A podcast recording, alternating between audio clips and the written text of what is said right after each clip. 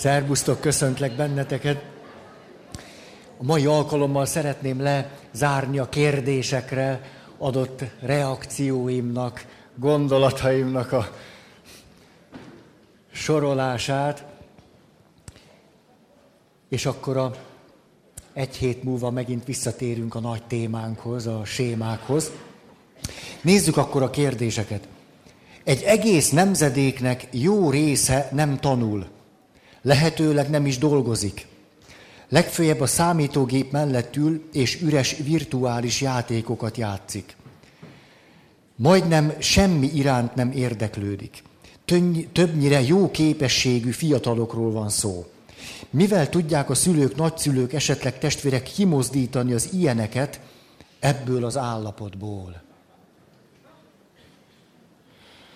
Hát egyrészt lett egy pici rossz érzésem, ahogy azt olvastam, hogy az ilyeneket.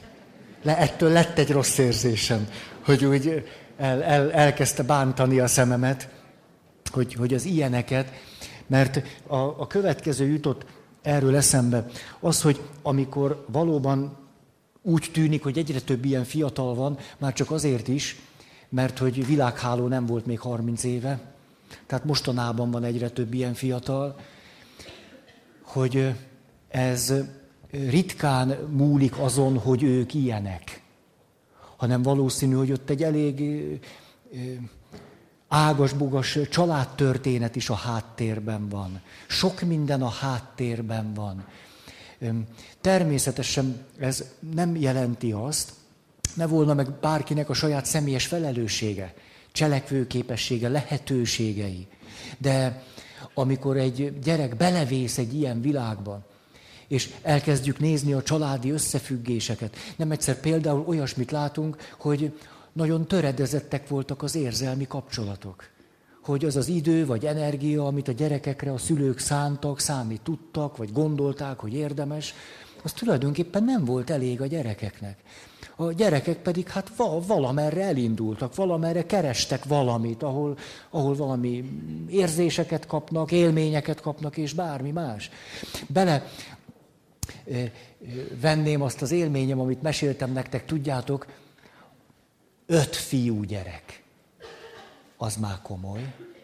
Öt fiú, nincs köztük lány véletlenül se. És az öt fiú gyerek közül négy már vagy nagyovodás, vagy iskolás, és amikor esik az eső, akkor szépen sorba állnak, és pumpolják az apukájukat, hogy menjenek ki futni. Emlékeztek erre? Mert ebben a családban az dívik, hogy akkor a gyerekek fölveszik a sportcipőt, és minél nagyobb az eső, annál nagyobb a buli alapon, kimennek és futnak egy nagy kört ott a háztömbök körül, és az odafelé vezető úton kikerülik a pocsolyákat, de visszafelé. Összes pocsolyába be lehet ugrani, és mindenkit le lehet fröcskölni a családból, nem a nénit, meg a bácsit, a családból mindenkit, és amikor aztán ennek vége, és hazamennek, az összes cucc le, van nagy mosógép, öt fiúra kell is, cuccok oda, gyerekek meg a kádba. Hogy ahol egy elérhető apuka, elérhető anyuka, ahol érzelmileg biztonságos világ, ahol megfelelő idő, törődés, nem is akarom mondani, ott sokkal-sokkal kevesebb az esély arra, hogy újabb és újabb gyerekek válasszák ezt a fajta világot. Sokszor ugye a szülők annyira azt mondják, hogy leterheltek vagyunk, amiben sok igazság van, Semmire sincs időnk, ebben sok igazság van, hogy így élik meg. És ezért a, ők maguk is a kisebb ellenállás felé mennek. És a gyerekek is. Hát 20-25 évesen ez van, az már valaminek a következménye. Vagy valaminek a vége felé van úgy. Már most a származási családdal való viszonyt illetően. Nem akarom ezt hosszabban, mert a lényeg ebből az, hogy meggyőződésem, hogy ezek a fiatalok segítségre szorulnak. Hát ha már semmi nem érdekli őt, és csak otthon ül, és csak ezzel foglalkozik, egész biztos, hogy segítségre szorul, nem is kicsire. Ezért a megközelítésem az lenne, hogy ilyennek tartanám és látnám őket. Föltehetően, hogyha csak az elítélés vagy a szidalmazás érkezik tőlünk, az nem fog segíteni a helyzeten. Ez valószínű. De itt komolyan fölmerül az, hogy ez már függőség. Egy függőségből kigyógyulni, kiverekedni magunkat, az, az nem, nem kis munka. Hm. Hát ennyi. Következő. Köszönöm a keddestéket. Nem kérdésem van, hanem juttasd egy légy szíves a köszönetemet azokhoz, akik rögzítik az alkalmakat.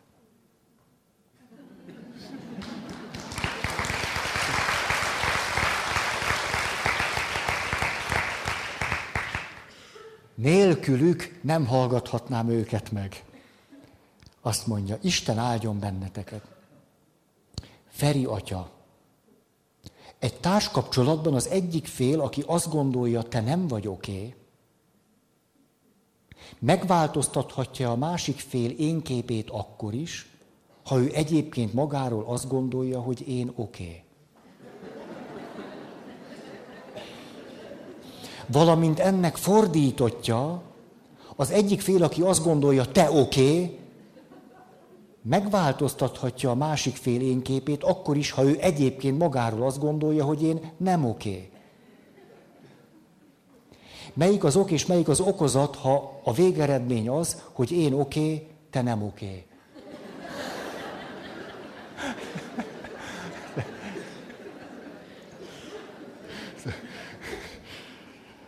Hát nem könnyítik meg az életemet ezek a kérdések tulajdonképpen háromszor kellett elolvasnom, hogy megértsem, de aztán sikerült végül.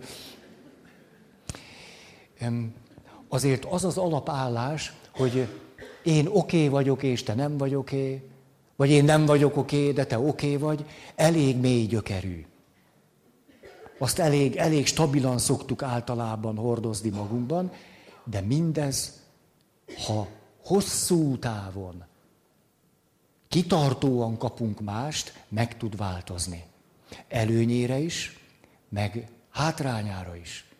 Tehát volt már olyan valaki, aki kliensként jött hozzám, és sírva beszélt arról, hogy ő tulajdonképpen mindig is azt gondolta magáról, hogy én oké okay vagyok. És hogy most egy hosszú kapcsolatban egyre inkább fölörlődik ebből a szempontból, mert a társa folyamatosan azt közvetíti felé, hogy nem, te nem vagy oké. Okay. Ilyen van. És fordítva is van, hogy valaki megy egy kapcsolatba, és azt mondja, ki másba lennék szerelmes, egy olyan valakiba, aki miközben én attól szenvedek, hogy nem vagyok oké, okay, következetesen közvetíti felém, hogy dehogy nem. Dehogy nem oké okay vagy. Tehát igen, ez változhat. Ha nem változhatna, nem volna jó az élet. Jó, jó, hogy pozitív irányba tud változni, de tud negatív irányba is. Ezért érdemes tudni magunkat megvédeni. Hmm. Köhögni, ha kell. Jogom van köhögni. Szóval azért megy előadás. Ha köhögök is, oké okay vagyok. Nem fogok szégyenkezni egy, egy köhögés miatt. És ezt jó, jó, jól is teszed. Hát igen, igen, ez változhat. Jó irányba is. Nem tudom.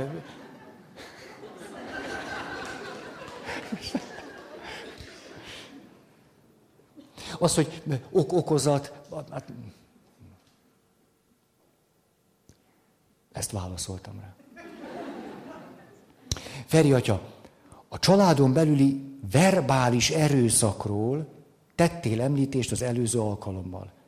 Te verbális erőszaknak tartod-e, hogyha az egyik szülő folyamatosan zajterhelés alatt tartja a párját, és a gyerekeit. Panaszkodik, mentegetőzik, vádol, hárít, igyekszik a beszélgetéseket vitává változtatni. Ezt most nem is mondom végig, de ezt csinálja még sokféleképpen. ha erőszak, ha nem, hogyan lehet ezt a terhelést legalább csökkenteni, hogy ne szakadjon el a cérna.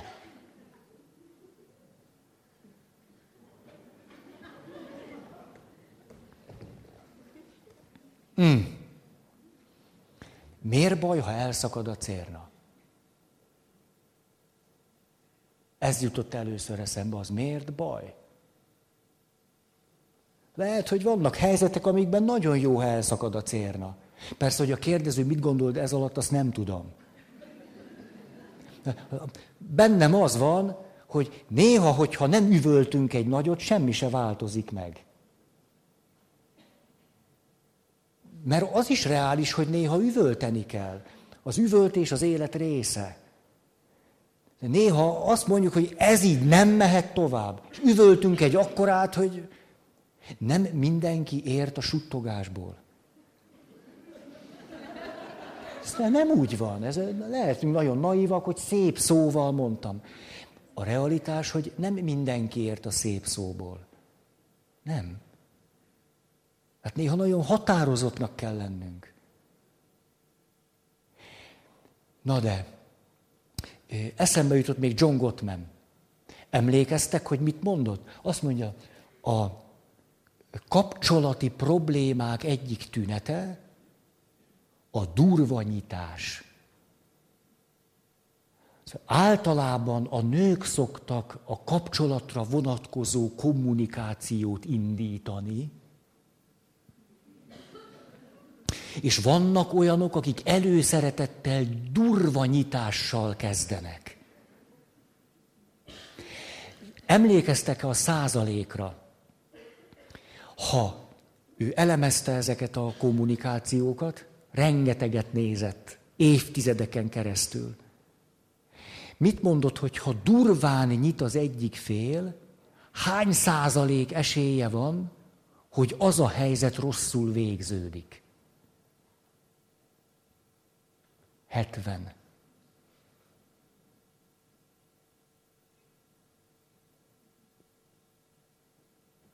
Mindenki egyetért. 70-70, tehát szóvivő, 90.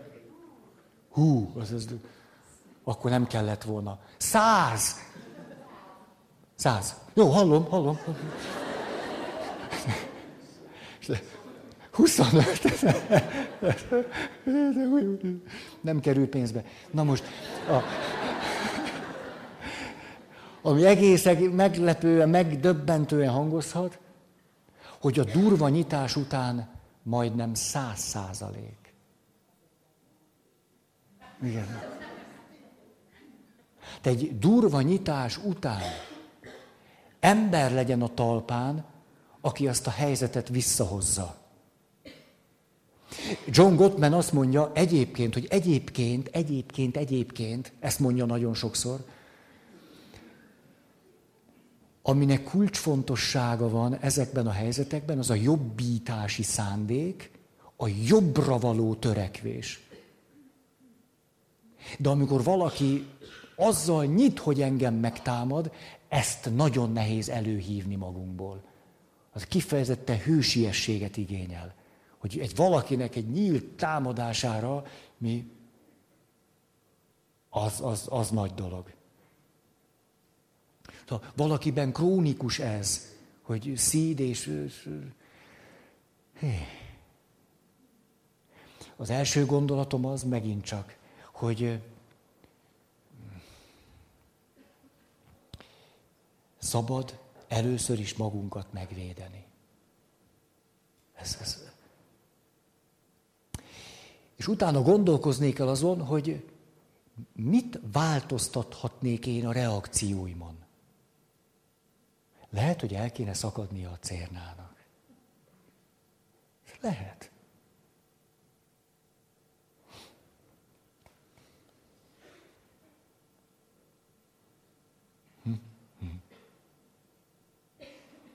Külföldön élek, és onnan hallgatlak. Tervezele idegen nyelvű előadásokat? Nem. Tudsz-e külföldi Pál De jó.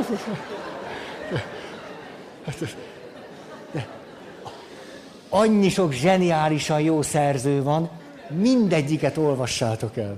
Ezt, ezt. Olyan sok, sokan vannak. John Gottman.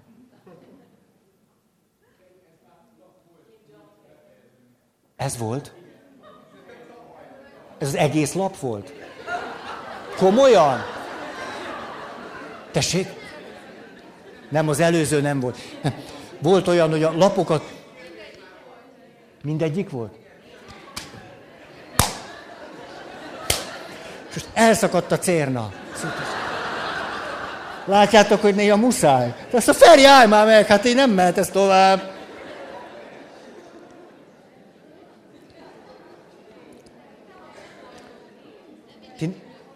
Nem mindenki volt itt tavaly.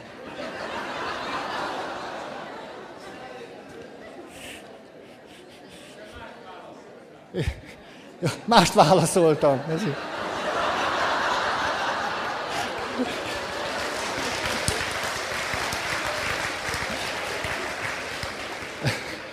Na jó. Rosszul kezdődik, nem tudom, hogy fog végződni. Egy durva nyitás után mindent elrontottam. Jó. Akkor nézzük csak. Kiáltsatok, hogy ezt tavaly vagy idén mondtam-e már. Idén jössze táborba. Ez volt már? Ez is volt. De nem, nem, hát idén nem. Hát ne, ne, ne vicceljetek. Tényleg ez volt? Nyár elején. Rosszul vagyok. Akkor tegyünk néhány kísérletet, hogy tulajdonképpen mi, mi legyen ma. Ma megpróbáljuk együtt kidolgozni a témát.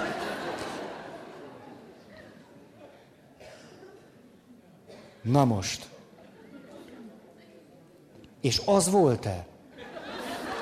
Tudjátok, kézzétek, úgy készültem a múltkori alkalomra, fogtam az előző előadást, és akkor elkezdtem hallgatni, megnéztem, hol volt, akkor hol fejeztem be, és akkor direkt kiraktam a lapokat. Valószínűleg az történt, hogy akkor se sorrendbe vettem a kérdéseket. És hiába néztem meg, hogy mi volt az eleje meg a vége. Nem, hát nem akartam az egészet meghallgatni. Jó. Én nem vagyok Pál Feris. Na most, akkor tényleg akkor rátok szorulok nagyon. Tehát, általában a férfi alkoholizmusáról beszélsz a családban.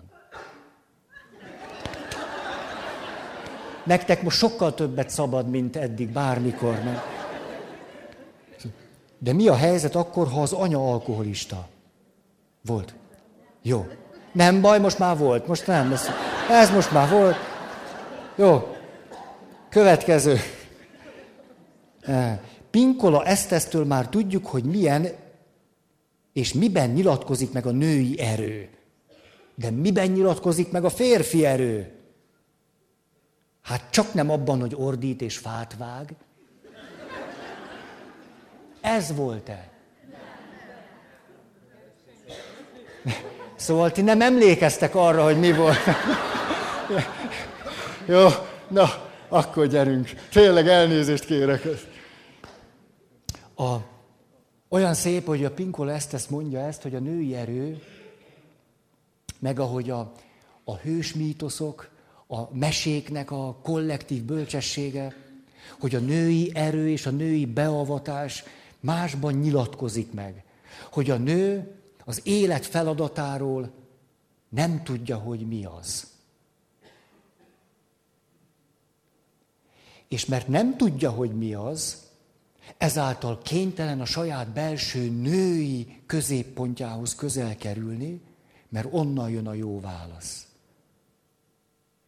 Hogy igazán akkor erős egy nő, hogyha túljut azon, hogy anya, hogy anya mit mond, meg anya hogy csinálta, meg anya szeret, meg nem megyek el anyától, meg ezt kinövi, kinövi a biztonságos világot, képes ilyen értelemben eljönni otthonról. Emlékeztek, így fogalmazott Pinkola ezt, ezt, hogy tudja életre segíteni azt, ami meg akar születni, és képes elengedni azt, ami meg akar halni.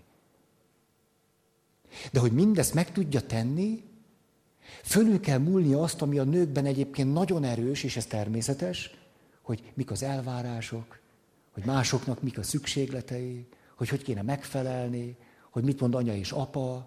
És de ezt hogyan tudom megtenni, ha találok annál valami bensőbbet, valami... Ezért van az, hogy ebben a kollektív bölcsességben az derül ki, hogy a női beavatás és a női erőhöz való hozzájutás kulcsa, hogy a nő nem tudhatja pontosan, hogy mi is a dolga. Képzeljük el, brekeg a béka.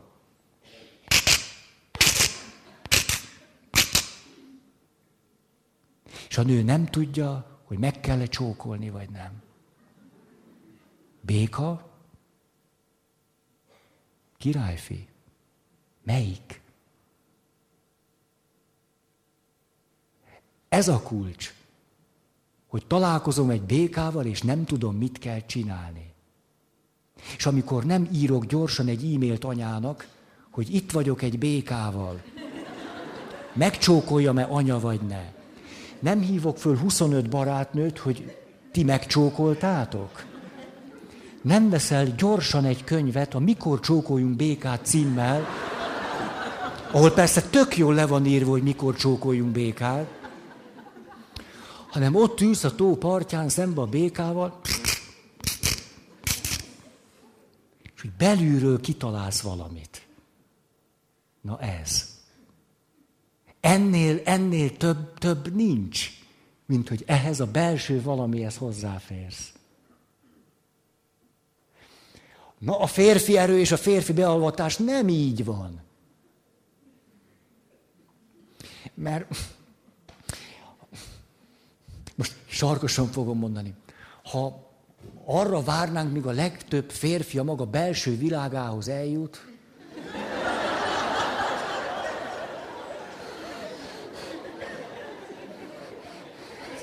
De nyugodtan nem, az... Most, azért, mert pap vagyok, nem, nyugodtan. Az, láttam már ilyet. Tehát, de erről eszem, hogy olyan kedvesek, de tényleg nyugodtan. De, de ti láttátok, nem? Hogy megölelte volna, és oda néztem, hogy hirtelen ez, ez a pap előtt ne, vagy... Erről annyira eszembe jut mindig. Fiatal sportoló voltam, és a, ugye hát nyáron 40 fokba, hát nem, nem, mindig melegítő nadrágba, meg nem tudom mibe edzettünk.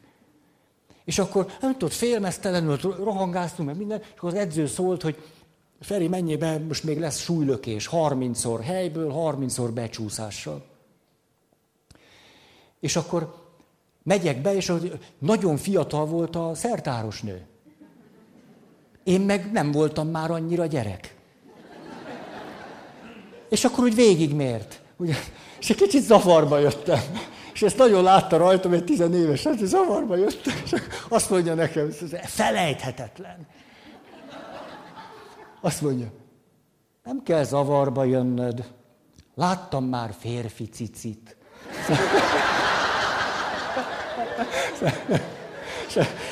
De mindig ilyesmi jut eszembe, amikor valaki, hogy jaj, ezt, láttam már ilyet.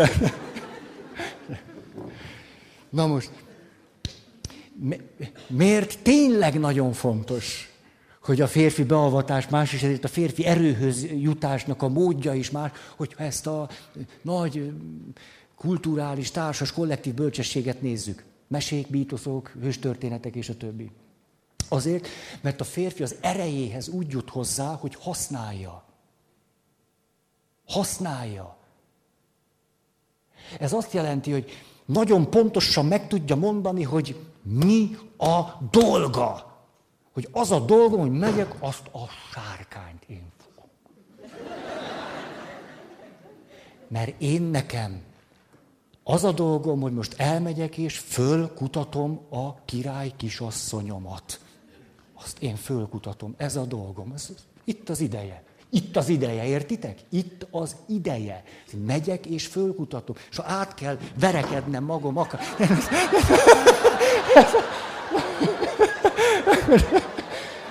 Nem, ez, ez most nem, nem, tehát ezt visszavonom. Tehát, hát menet közben azért tapasztalatokkal bővül az utazás során, hogy, hogy mások is léteznek. Tehát akkor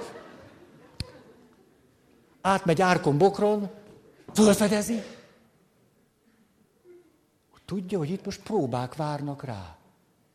Ez ha, ha félelmetes, ha nem, az... Ezért a férfi bealvatás abból a szempontból másmilyen, hogy nagyon, bizonyos szempontból nagyon világos és nagyon egyszerű. Csak csinálni kell. Vasárnap tettem föl egy költői kérdést, ez úgy, úgy szíven ütött, hogy valaki jön hozzám, és azt mondom, hogy van fél óránk. Van egy óránk. Rászántam. Akkor majdnem mindig a következő mondata válasz erre. Jó, akkor sietek. Ez engem szíven üt már most. Hogy nem sietni kell, ha egy óra van, hanem a lényeget mondani. Hát sietni nem, nem kell. Mi a lényeg? Ugye a férfi, aki szabdalja őt az élet, és azt mondja, nem baj, akkor is itt kell állnom. Az a dolgom, hogy. Ez, ez a férfi erő és a férfi beavatásból fakadó élet. Azért, ha egy férfi, hát ez nem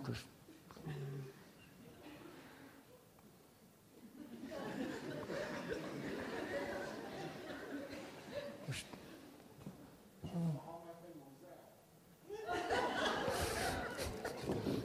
Most akkor Hamlet lúzere. Nem tudom. Mi van ezzel a szegény Hamlettel? Szóval a férfi beavatás és a férfi erő. Emlékeztek a négy arhetípusra. Király, harcos, szerelmes, mágus. A férfi erő abból jön, hogy ez a négy valahogyan előhívhatóvá válik a férfiből. Ha egy férfiben nincsen király, az nagyon-nagyon ijesztő. Akkor nyeklik, nyaklik össze-vissza. Ha egy férfiben nincsen harcos, hiába tudja, hogy mit kéne tenni, fél a fájdalomtól. A férfinek azért olyan vastag a hátán a bőr, hogy bírja. Nem az arcán, hátán. Tényleg. Férfiakat látunk, kimélik magukat. Ez nagyon problémás. Nagyon. Kiméli magát a szórakozás és a kényelem megszállottjai vagyunk. Egy férfi az teljesen világos, hogy ezért érdemes élni. Hát akkor hajrá. Ha egy férfiből hiányzik a szerelmes, akkor föláldozhatók négy.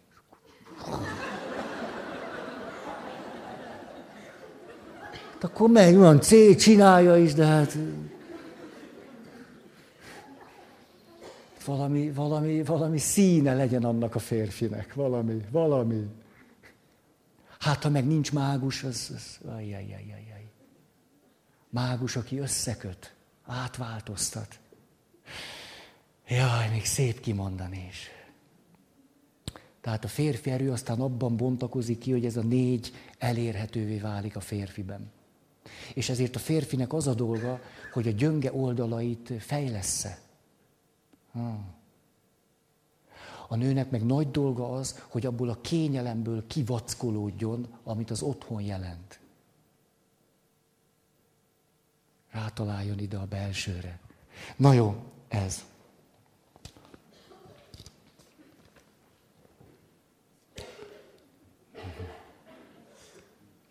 Ha jól értem, életcélunk megtalálásához szükségünk van vágyakra. De hol van a határ az egészséges vágy és a beteges álmodozás között?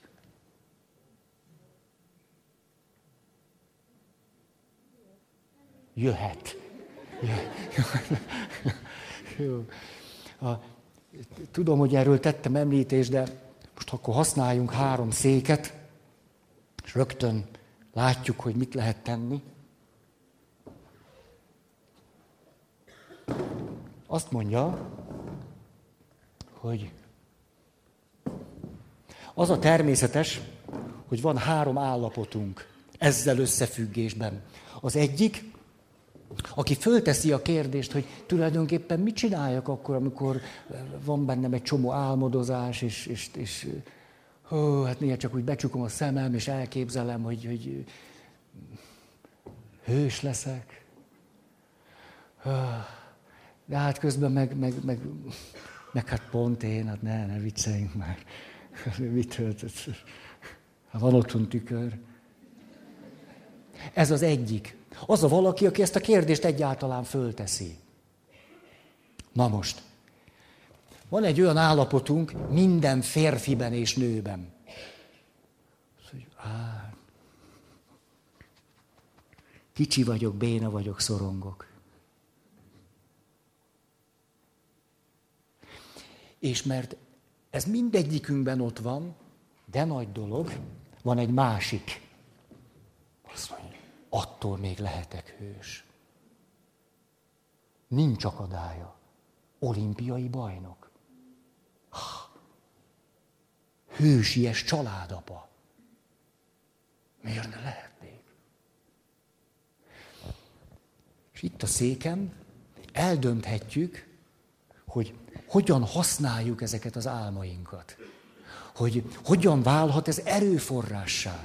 Különben az, hogy hát kicsi vagyok, béna vagyok, úgyse sikerül, meg nem tudom, mit kell csinálni, ez teljesen begyűr bennünket. A nagyra törő fantáziáink, álmaink, úgy mondják egyébként grandiózus fantáziák. Nagyon fontosak. Fontosak. Mert ezek a grandiózus fantáziák egyensúlyt tudnak teremteni. De a kulcsa ennek az, hogy ebből valami történjen, hogy össze tudom kötni ezt a kettőt, és azt mondom, akár mennyire is most még sehol se tartok, én akarok valamit. Ezért most, ha olimpiai bajnok akarok lenni, lemegyek a sportpályára. Futok néhány kört. Abból valószínű nem lesz baj. A probléma ott van, ha ebből az álmodozásból valaki semmit nem hoz át ide a realitásába. Abba, hogy igen, ha ez az álmom, akkor ebből mi következik, és mit csináljak. De az is probléma, valaki az egész életét úgy éli, hogy ugyan már nem leszek egy beteges álmodozó. Miért? Azok tudnak, most egyszerűen mondom, azok tudnak nagy dolgokat tenni, akikben ez jól fejlett. Hát el tudja képzelni, miért, mitől ne? Miért ne tudnám? Akiknek, hát ezt szokták mondani, ezt nem akarom, hogy nagy álmaik vannak. Hát legyenek nagy álmaitok. Hát az álmok nélkül hogy? Egy, emlegettem nektek egy bencés kolostort, abban az országban egyetlen bencés kolostor virágzik. Ez. Az apát a következőt mondta arra a kérdésre, hogy tulajdonképpen mi, mi annak a kulcsa, hogy itt 21. század, ahogy szokták mondani, elvallástalanodott Nyugat-Európában, egyre másra jelentkezők, csodás dolgok történnek. Azt, azt mondja az apát, tulajdonképpen őrültségeket kell álmodni. Hát olyanokat, amire elsőre magam azt gondolom, itt, hogy na hát ennek nem sok realitása van. Itt meg azt gondolom, hogy megbolondultál. A 21. század Nyugat-Európájában eszednél vagy? Hát ezt, ezt, ezt, ezt, csak belebukni lehet. Azért működünk mi hatékonyan, mert olyasmiket is merünk álmodni, amire a legtöbb ember azt mondja, hogy meg mi magunk is ott ez, azért vagyok itt zavarba, olyan, ez egy olyan közkeletű szöveg, nem? Hogy álmodjunk nagyokat. És... De mi az, amit itt sosem mondanék? Azt, hogy csak álmodni kell, és minden rajtad múlik. És te mindent meg tudsz valósítani. Ez a szöveg, ennek a túlhajtása. Ezzel etetnek minket. Ugye? Hogy mindenre képes vagy, csak álmodni kell. Bárki bármikor megcsinálhatja a szerencsét, minden rajtad múlik, a te kezedben van minden. Hogy volna már az én kezemben minden? Az életem az a kezemben van. De minden nincs. Hát nincs minden a kezemben. És itt nagyon is megtapasztalom azt, hogy valamiért egy csomót dolgoztam, és nem jött ki belőle semmi. Másért meg talán nem is dolgoztam annyit, és fantasztikus gyümölcsei lettek. Tehát az nagyon jó, ha valaki azt tudja mondani, hogy az jó. Na jól van. Menjünk tovább. Hamlet útján. Szerinted meddig érdemes egy fiúra várni? Na ez volt-e? Nem, már hogy a kérdés nem volt, csak a helyzet, ugye? Akivel érezni, hogy lehetne hosszú távú kapcsolat, és el is indult, de megszakadt, mert az ő elmondása szerint nem tud kötődni senkihez sem. Nehezen engedem el, mert úgy érzem, hogy nem játszottuk végig ezt a kapcsolatot, hogy működne vagy nem. Lehet-e érezni a szikrát? Nem. Nem lehet-e, hanem lehet. Tehát lehet érezni a szikrát, amikor egyszer-egyszer összefutunk. Vagy csak én nem fogadom el, hogy ő már döntött, és mégsem ő az. Ha? Nőtársaim.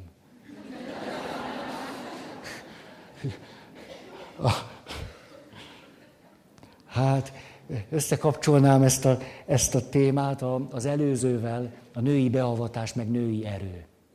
Ugye nagyon szoros összefüggésben van, ez a béka történet, hogy csókoljam még, vagy tök mindegy neki. Tehát... Az errefele kóricát, mert ívni akart, aztán itt volt egy kis pocsolya, de egyébként... De, de azért mondanék ehhez mást is. Ugye, hogy ez a, ahogy hallom, ebben van egy nagyon kedves és bájos női naivitás. Hogy még nem játszottunk végig mindent. Nem lehet mindig mindent végig játszani. Azért, mert körülbelül 80 évet élünk. Nincs rá idő, hogy, mind, hogy még, még 125. dolgot is megpróbáljuk. E, nem. Ez amikor a nő azt mondja, és ha melegebben csókolnál, kétszer is fogat mosnék előtte, illatos lennék, hát ha úgy igen. Az, hogy van szikra, még jó. Az csak annyit jelent, hogy van szikra. Lehet, hogy nincs gyújtós.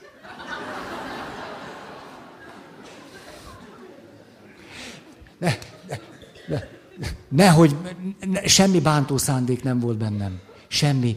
Úgy hallom ezt, mint egy ilyen nagyon kedves, lehet, hogy pontosan életkornak megfelelő naivitás. Nem. Van egy pont, hogy azt mondom, ez ennyi. Egyszerűen nem érdemes már tovább. Hát nő vagyok, 28 éves, és a másik, második naív korszakomba kéne lépnem. Annak is vannak szintjei. Jó, szóval nem lehet mindent végigjátszani. Nem. Következő. Na, most ez fontos, mert így kezdődik. Tényleg. Ha eljut hozzád ez a kérdés, kérlek, ne neves ki. Igen, Igen, ez hasonlóan kezdődik, csak bevezettem múltkor, hogy van ilyen. Tényleg, tényleg, most hallgassátok meg, most azt, azt gyanítom, hogy túl gyorsan hoztatok ítéletet. Azt mondja, szerinted lehetséges-e, hogy valaki felnőtt férfiként, aki kislányokat molesztált, vagy erőszakolt meg, megbánja, amit tett, és esetleg Isten előtt bocsánatot kér. Egyáltalán tudja aki ilyet tesz, hogy mit cselekszik, és milyen következményei vannak? Igen, nem volt. Nem volt, azt gyanítom, hogy nem volt. Igen. Igen. Hm. A, aki ilyet tesz, általában, és főleg ott, amikor teszi, egyáltalán nincs tudatában annak, hogy mi lesz ennek a következménye. Ha a következményekkel ott és akkor a maga súlyukban számolna, nagy valószínűséggel sosem tenné meg. Ez őt nem menti föl a saját felelőssége alól. Attól még ő neki nagyon komoly felelőssége van. De ott és akkor, amikor, mit szoktak elmondani, azok a bűn elkövetők, most így mondom sarkosan, akik mondjuk a nyomozás során beszámolnak arról, hogy jó, de hát miért tette, vagy mi, hogy jutott el ide. Körülbelül ilyen egyszerű dolgokat mondanak, hogy hát nagyon akartam. Nagyon vágytam rá. Szexelni akartam. Hát ott és akkor egészen elégtelen az érzelmi önszabályozás telj, impulzuskontroll, katasztrófa, semmi nincs. Ott és akkor. Abban a pillanatban lehet, hogy így van. Vagy csak nagyon halványan elérhető. Hát a következmények, ne, aki ilyesmit tesz, a következményeket egyáltalán, hogy, hogy látná azt? Nem látja. Gőze sincs róla ez őt egyáltalán nem menti föl. Jaj, dehogy menti föl. Általában hmm, a kérdés így szólt, hogy azt mondja, lehetséges-e, hogy valaki felnőtt férfiként bocsánatot kéri, megbocsásson ne, hogy én megbocsássak neki, vagy hogy ő Isten bocsánatot kérjen. Igen, ez lehetséges. Nagyon is. Amikor, amikor egy, egy, egy tiszta, józan állapotában fölfogja, hogy ez, ez mit jelent, hogy ez, ez hova vezetett, hogy mi minden ment tönkre emiatt, hogy milyen következményei vannak, hogy hogy hatott ki még a saját unokái életére is. Hogy, hogy ne volna lehetséges, hogy valaki ezt mélyen megbánja és bocsánatot kérjen? Hogy ne ez lehetséges? A, nem tudom, hogy érzékelhető-e az, hogy, hogy próbálok egy egyensúlyt kimondani, rendszer szemléletben nézni. Ha e, elfog bennünket a vörös köd, és kizárólag csak egy bűnöst és tettest látunk, akit minél hathatósabban meg kell büntetni, ez nincs segítségére az áldozatnak sem. Ez egyáltalán nem jelenti azt, most átülök egy másik székre, hogy ő ne volna felelős. Nagyon felelős. Hogy ne rendelkezett volna relatív szabadsággal. Rendelkezett. Az esetek nagy többségében rendelkezett hogy ne volna morális érzéke. Valamennyi van. Hogy lehetséges, hogy ő bocsánatot kérjen, nyilván azért lehetséges, mert mindez van.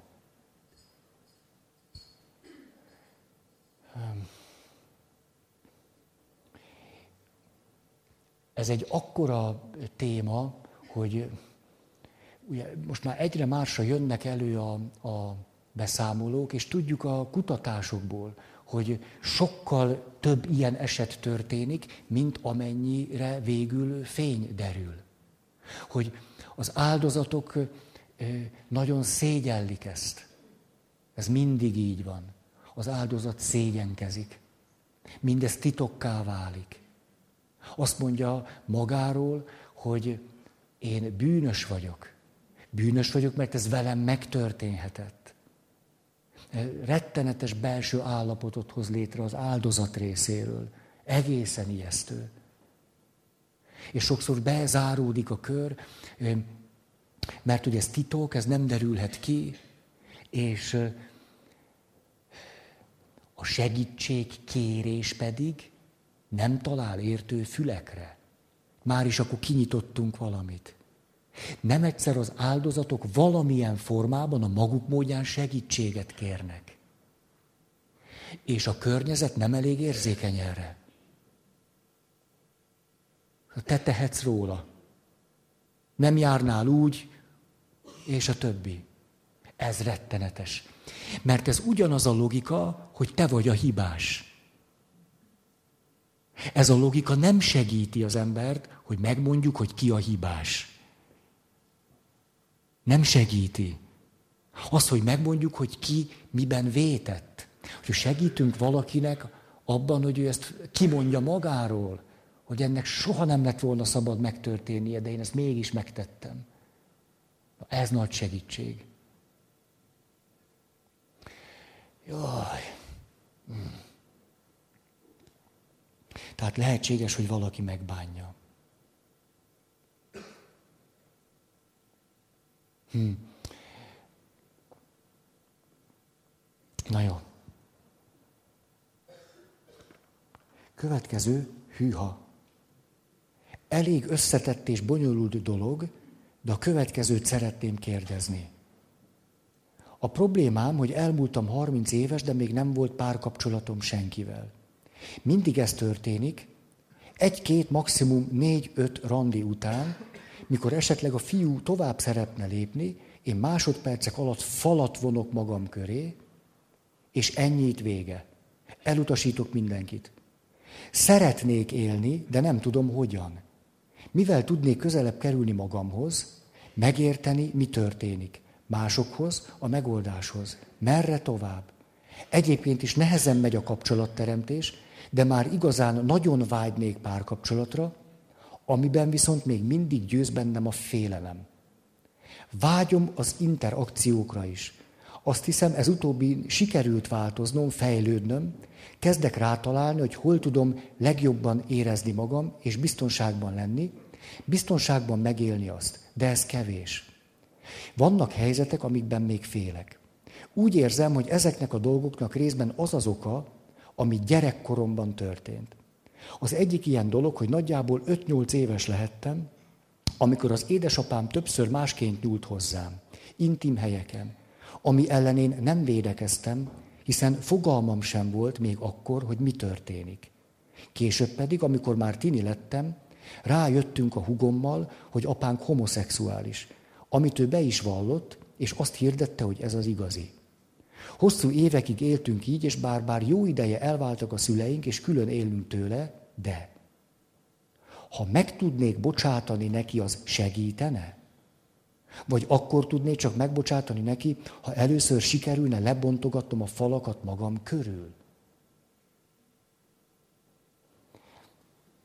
Az előző kérdésre, hogy mi lehet a következménye annak, ha ilyesmi történik, most hallottunk egy élettörténetet. A, nem tudom, föltűnte nektek, hogy a, a kérdésben újból és újból megjelent ugyanaz a motivum, hogy félek, és hogy nem érzem magam biztonságban. Hogy még, még ettől félek. Vagy hogy néha már sikerül biztonságban lennem, de akkor megint nem, és akkor falakat építek. Ennek kapcsán szeretném továbbvinni az előző válaszaimat. Ez pedig az, hogy Miért olyan hihetetlenül nehéz az áldozat szempontjából, mondom most így egyszerűen, a szexuális bántalmazás? Azért, mert általában, aki bántalmaz, nem csak bántalmaz, hanem más szempontból fontos személy. Tehát ha az apám, a nagypapám, a nem tudom ki, ő általában nem egyszerűen csak egy brutális idegen bántalmazó, tudjuk, hogy a bántalmazások zöme a családban történik. Ebből az következik, hogy gyerekként egy nagyon még duplán lehetetlen helyzetbe kerülök. Mert nem csak az van, hogy van egy, egyszerűen mondom, egy rossz bácsi, aki rosszat tesz velem, és nagyon világos, hogy ez rossz, és az is világos, hogy ő rossz, és az is világos, hogy én jó, és ezért minden eszközzel ellenállok. Ez így egy viszonylag egyszerűbb helyzet lenne, de mégse lenne könnyű. Itt azonban nem erről van szó, hanem arról, hogy aki engem bántalmaz, ő egyébként valamilyen módon szeret.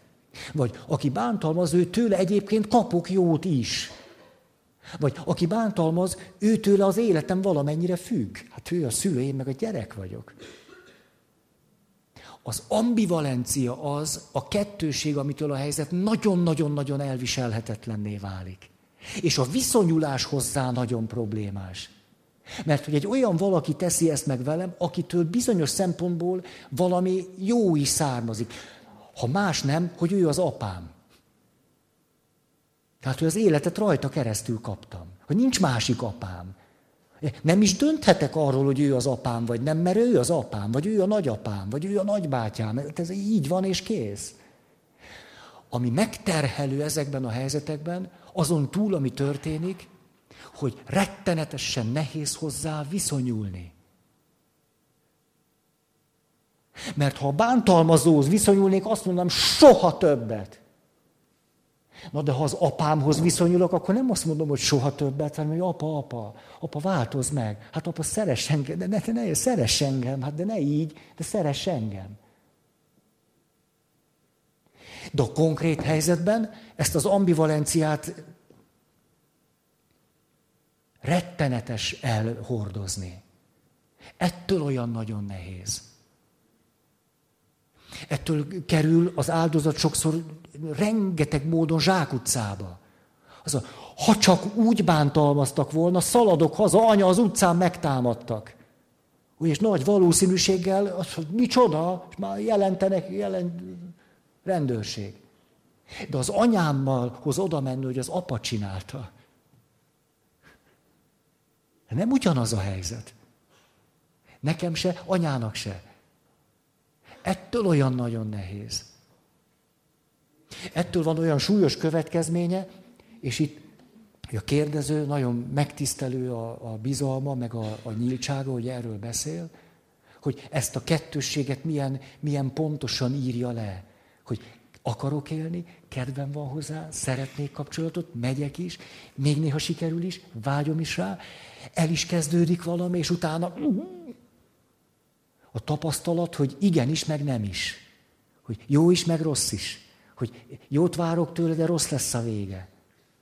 Hogy a szoros, közeli kapcsolat egy férfivel, ez az alapélményem, valami nagyon rosszat hoz. Ezért bár vágyom rá, mint a kislány az apukájára, az az élményem, hogy ebből valami nagyon-nagyon rossz lesz, ezért most legalább képes vagyok megvédeni magam. Ez nagy dolog. Az első, hogy mondjuk, hogy nézném ezt a helyzetet, mi mindenre gondolnék, hogy mi segíthet. Az első, nagyon-nagyon elismerném és megbecsülném azt, hogy ő képes magát megvédeni. Hogy falakat tud húzni, hogy határokat tud tartani, hogy azt tudja mondani, hogy nem tovább, hogy nem jöhetsz közelebb, és ezt képes szabályozni. Ezt, ezt nagyon megbecsülném és elismerném, de jó, hogy ez így van. Hogy ki bonthatnánk annak a, az értékét, hogy na ezért ővel ez már nem történhet meg soha többet. Nem, nem történhet meg. Azt tudja mondani, hogy nem. Ha először ennek az értékét, ezt, ezt fú, ha, hogy ez nem, nem csak egy akadály, hogy ő falakat húz, hanem ez az ő életképessége. Ez a nagyszerű dolog, hogy ezt meg tudja csinálni. Értékes falai vannak. Nem bánthatják már. Ez lenne az első. Aztán a második, ha sokat hallom ezt, hogy félelem és biztonság, akkor például eszembe jutna az, hogy hát, hogy ez itt nagyon súlyos változásokat idézett elő. súlyosakat. Akár traumatizálódhat is valaki. Főleg, hogy úgy tűnik, hogy ez hosszabb ideig fönnállt. Ilyenkor mi a második nagyon-nagyon fontos lépés? Az, hogy, és akkor mondok rögtön egy félelmet. Mi a félelme nem egyszer azoknak, akik ilyesmit éltek át? Az, hogyha elmegyek segítséget kérni, akkor majd erről kell beszélni. És én nem akarok erről beszélni. Mindenről beszélnék szívem szerint, csak erről ne kelljen beszélni. És nem tudom, hogy ez, ez most számotokra fontos-e vagy nem, vagy hogy ennek a jelentőségét ti érzitek-e vagy nem. Az ebben a szép, hogy ő akkor is tud gyógyulni, ha nem beszél róla hogy nem kell róla beszélnie. Hogy általában az az előítéletünk, vagy sztereotípia, hogy akkor gyógyul valaki, ha kimondja, hogy mi a baj. És valaki ki tudta mondani, hogy velem ez történik, vagy megtörtént, és azt mondja, de erről nem akarok többet. Ha azt mondjuk, rendben van, itt van az a valaki, akivel ez megtörtént. Ez egész rettenetes. És te azt mondod, hogy nem akarsz róla beszélni. Én ezt nagyon is el tudom fogadni. Hát ővele olyan dolgok történtek, hát már attól, hogy hallom, én se vagyok jól. Nem, hall, hallani is szörnyű. Hova, hova rakjuk ezt a valakit, akivel ez történt? Azt mondja, rakjuk ide ki. Mondja, nem is akarok róla tudni. És akkor kiraktuk. És most ez így milyen? Hú, egy kicsit megkönnyebbültem. Kicsit most jobban vagyok, hogy hú, hú. Ez mit fejez ki? Nem az, hogy nem akar gyógyulni, hanem hogy ha közel engedi magához azt a valakit, akivel ez történt, akkor rettenetesen instabil lesz. Nagyon kiszolgáltatott lesz. Rettenetesen. De éppen stabil akar lenni. Azt szeretné, hogy amikor egy férfivel találkozik, akkor stabil legyen, és ne instabil. És azt mondja, ne, ne, ez ne. Hát mindig, mikor picit közelebb jutok ehhez, vagy egy pillanat, egy fantáziakép, azt nem, nem, nem, nem, nem. Hát attól csak rosszul vagyok. A következő lépés, hogy ezt nagyon el kell fogadnunk, hogy ő ettől rosszul van. És ötször, tízszer, százszor segíteni abban, most itt van ő, hogy mi segít neki stabilizálódni. Mi? Nem azzal kell nekünk itt, nem az a cél, hogy mikor jutunk már oda, hogy elmondja, mi történt. Nem kell elmondani. Az nem föltétlenül szükséges. Elmondani akkor érdemes, hogyha az elmondás során, aki azt elmondja, képes a stabilitásához hozzáférni.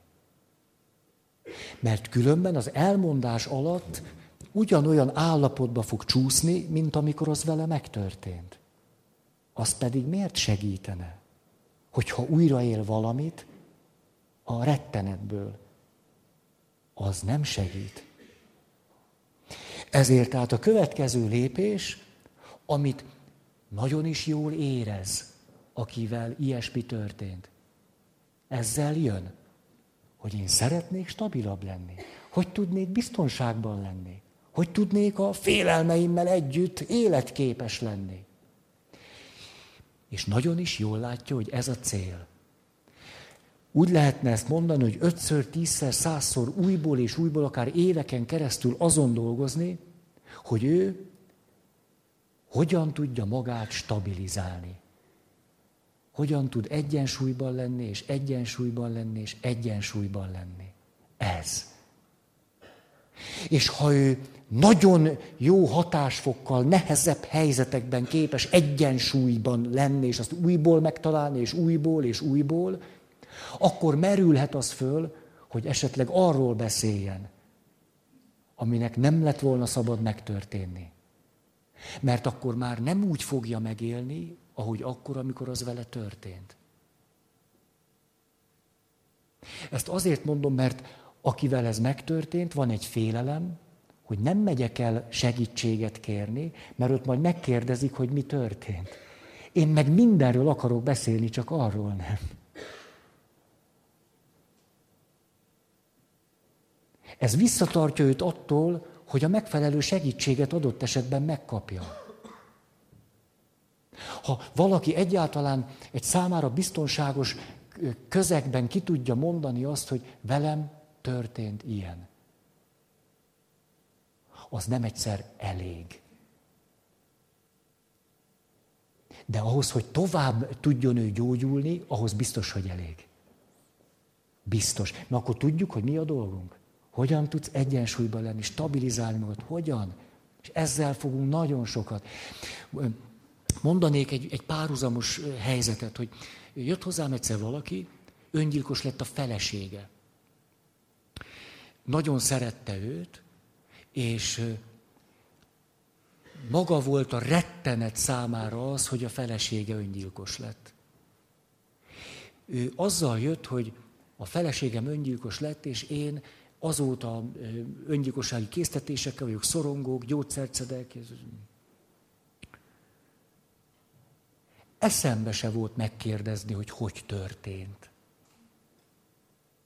Több mint egy éven keresztül beszélgettünk, és hogy-hogy nem, az életéből előkerült egy-két veszteség élménye.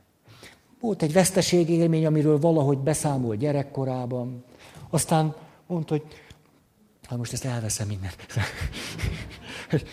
Volt egy veszteség élménye, ami a munkahelyén érte őt, nem is olyan régen. És pontosan tudtam, hogy ha most veszteség élményekkel dolgozunk, nagyon komolyan véve azt, hogy hát gyerekkorában ő neki nem volt úgy, úgy nem voltak olyan játékai, amiket szeretett volna, és ezt egy nagy fájdalomként hordozta, hogy nem voltak olyan. A szülei nem vették komolyan, hogy ő, ő mivel szeretne játszani. Megmondták neki, hogy most mivel kell játszani. Meg a munkahelyi veszteség. Tudjátok, mit csináltunk?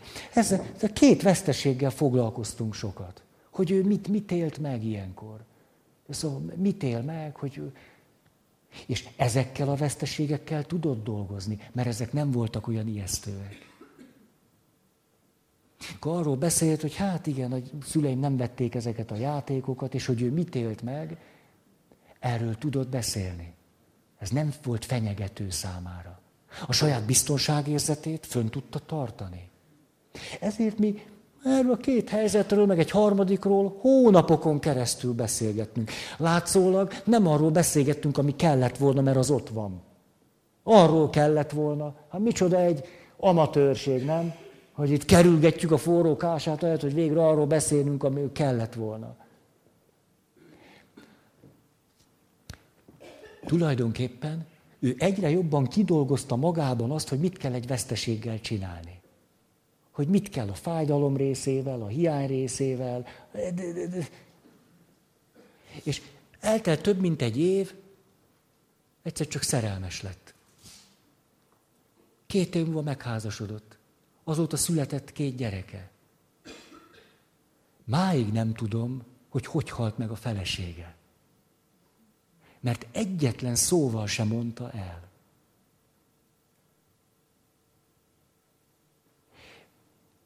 Át tudtam adni, hogy mit akarok ezzel mondani? Tehát, hogy akivel megtörténik, ő benne lehet egy félelem, hogy csak ne kelljen azzal, ami a rettenet. Mert nem akarok még egyszer megsérülni. Ezért beiktathatunk egy olyan lépést is, hogy azt nagyon kidolgozni, hogy hogyan tud ő biztonságban lenni a legnehezebb helyzetben is. Ez egy nagyon jó gyakorlat, erről egyszer beszéltem nektek. Én kidolgoztam magam számára, hogy amikor például már 20 perce olyasmiről beszélek, amit már elmondtam, és kiderül, hogy, hogy akkor ne essek kétségbe. És akkor van egy képem, ez egy belső kép, de jól ki van dolgozva, amihez tudok fordulni. Szóval becsukom a szemem, mondom a trükköt, nézlek titeket, de... És egész aprólékos részletességgel megvan bennem az, az a hely, ahol én teljes biztonságban vagyok. Teljes biztonságban. Érzem ott az illatokat, érzem a hőmérsékletet a bőrömön, látom, amit látok, hallom. Erről beszéltem már nektek. És van két védelmező állatom. Nem a Snoopy, nem, nem, nem, nem.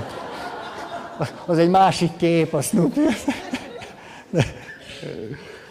Viszont kaptam egy snoopy kulcstartót valakitől a nyárra. Nagyon jó pofa. Sőt, valaki a Pálferi Kukac infón keresztül fölvilágosított engem, hogy Snoopynak van szerelme. Ti tudtátok? Nem, ugye mindig úgy egyedül látjuk őt. Képzeljétek el, nézzetek utána. Úgyhogy látni, látni való nem tudom ebben követni. A, öm, ahogyan kerestem magamban azt, azt az állapotot, ami számomra a teljes biztonságot jelenti, ahogyan magamat stabilizálni tudom akkor is, hogyha valamit nem, nem akkor e, képzelőerő, megjelent két állat. De ezt most szerintem nem mondom el, mert ez nem olyan érdekes. Meg elmondtam már millenárisan.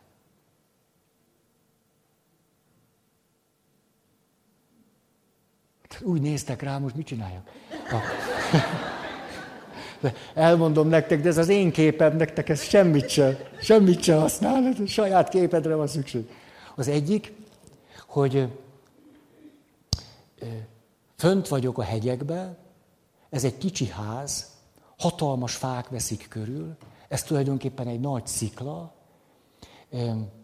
egy jól megépített ház, egy kandalló van mögöttem, onnan érzem a meleget, és én pedig egy hatalmas anyamedve ölében fekszem. Hatalmas anyamedve, de jó illata van. És ahogy kinézek az ablakon, egy sas repül el, meg vissza. Egy sas. És ennek megvan az összes érzékszervemet érintő része. Ez a kép egy, egy örök kép nekem.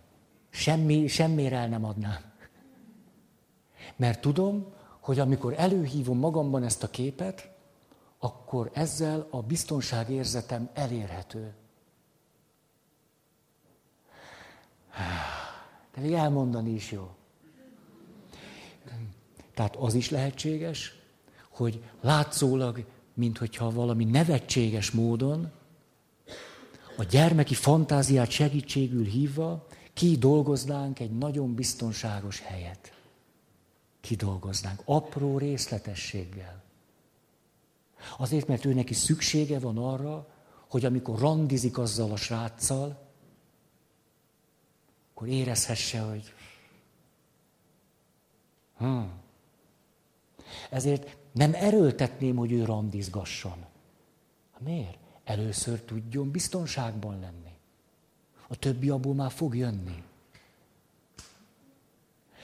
Ezért az nem önmagában cél, hogy akkor menj át a félelmeiden, meg... Jó, én ezt nem, nem akarom most tovább. Jó. Utolsó kérdés. Igen, hogyha megbocsátanék neki, az segítene. Igen, az segítene, de a megbocsátás folyamatán átmenni, az, az munkás, munkás dolog. Jó? Azt mondta Feri, hogy minden ember a létezése okán értékes, attól függetlenül, hogy mit tesz. És akkor hosszú-hosszú, és végül így írja, korábban bántalmazott, de később elvált anya gyermeke. Hogyan nem lesz bántalmazó vagy bántalmazott? Vagy a kicsit enyhébb verzió, mártír önfeláldozó családi légkörben nevelkedett gyerek, hogyan nem lesz ilyen családfő felnőttként? Van valami csodaszer?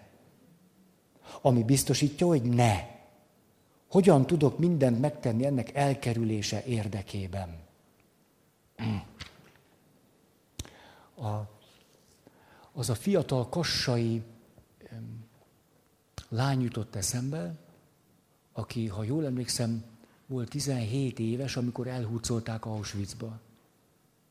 Akkor őt meg a nővérét, egyébként a családját, a családja meghalt, ő és a nővére élték túl. És ez a 17 éves lány azt mondja, hogy úgy volt valahogy, hogy a családban kiosztották a szerepeket, és ő volt az okos, és a testvére volt a szép. A testvérnek gyönyörű hosszú haja volt. És amikor kopaszra nyírták őket, akkor milyen az emberi természet. Ugye oda ment a testvéréhez, és azt mondja, hogy nézek ki?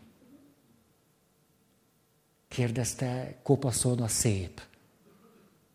És azt mondja, hogy 17 éves voltam, mondja ez a fiatal kassai lány, ma is él.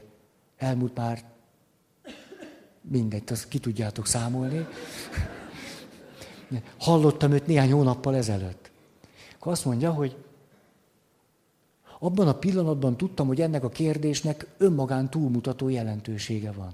Egyáltalán nem mindegy, hogy most mit, mit válaszolok. Most persze sok évtizeddel később mondja így, nem tudom, hogy ott és akkor mi volt ebből így megfogalmazott, de azt mondja, hirtelen az, az jutott eszembe, hogy ha, ha most arról beszélek, amit elvesztett, a hiányát, hogy nincs már haja, hát az rettenetes. Az egyszerűen borzasztó és elviselhetetlen. Hogy nem akarom ezt mondani. De, az, de hazud, nem, nem hazudhatok. Ez egy iszonyú kényes helyzet. Nem hazudhatok neki. És hogy néztem rá, egyszer csak a következőt mondtam. Na hát, hogy neked olyan sok volt a hajad, az mindig elvonta a figyelmem. És most, hogy nincsen hajad, most látom csak, hogy milyen szép a szemed. Hogy én eddig sose vettem észre, hogy neked milyen gyönyörű nagy szemeid vannak.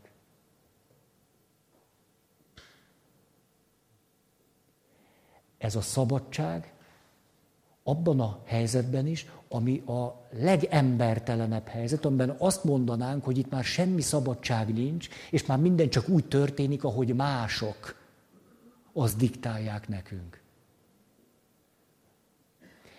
És ugyanez a hölgy, akkor talán már 18 volt, kiszabadultak Auschwitzból, és ment még a menet. Azt tudjátok, hogy attól, hogy kiszabadultak, attól még se, semmi nem dőlt el. Hát Viktor Frankl is mondja, hogy a legnehezebb pillanata az életben maradás szempontjából akkor volt, amikor már kiszabadultak Auschwitzból. És vártak a fertőtlenítés, és a hideg téli, vagy nem tudom milyen hideg éjszakába, majd megfagyott. Azt mondja, hogy kibírtam négy évet úgy, hogy az emberségemben maradtam, és akkor egyszer csak jött egy pillanat, és akkor már nem voltunk benne. Amikor arra jutottam, hogy ha nekem még egy órát itt kell ebben, mit éjszaka fagyoskodnom, kimegy belőlem minden erő, és meg fogok halni. És azt az volt az a pillanat, amikor elkezdtem tolakodni. És soha ilyet négy év alatt nem tett, és ment, és tolakodtam, és azt mondtam, mert nem tudtam mit mondani, hogy orvos vagyok. Az volt orvos, pszichiáter. És így előbb be tudott jutni ott a zuhany, és túlélte. De most visszatérek ez a 18 éves lány, és hogy megy az oszlop, és ő azt mondja, hogy megőrülök az éjségtől. Nincs mit enni. A társai elkezdtek kannibalizmusra, nem tudom, vetemenni, nem akartam ezt mondani, nem tudom mit. Tehát elkezdték a halott társaikat éjszaka megenni. Akkor azt mondja, ez a 18 éves lány, rájöttem, hogy most sem kell így tennem, és elkezdtem füvet enni.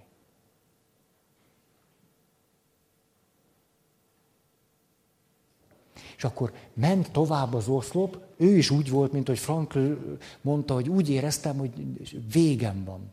És elkezdett ájuldozni. És egyszer csak körbefogták őt a, a sorstársai, olyan szorosan úgy mentek, hogy nem eshetett el. És akkor megkérdezte tőlük, hogy ezt mondjátok meg nekem, ezt miért, miért tettétek velem? Ti, hát ti mentettétek meg az életem. Az egyikük azt mondja azért, mert amikor még Auschwitzban voltunk, ott egy gyönyörűen énekeltél és táncoltál. És te táncoltál az őröknek, és ezért kaptál plusz kenyeret. És te bejöttél a barakba, és azt elosztottad. És mi ezt nem felejtettük el. Ezért mi itt nyolcan körbefogtunk, és mi addig vittünk volna, ameddig mi bírjuk. Ez a válaszom arra, hogy velem ez történt a családban, most akkor, akkor ebből mi következik. Vagy az nem történt, és abból mi következik. Hogy nincs az az élethelyzet, amiben ne ismerhetnénk föl, hogy van annyi szabadságunk, amennyi az emberi élethez kell. A fiatal kassai magyar lány,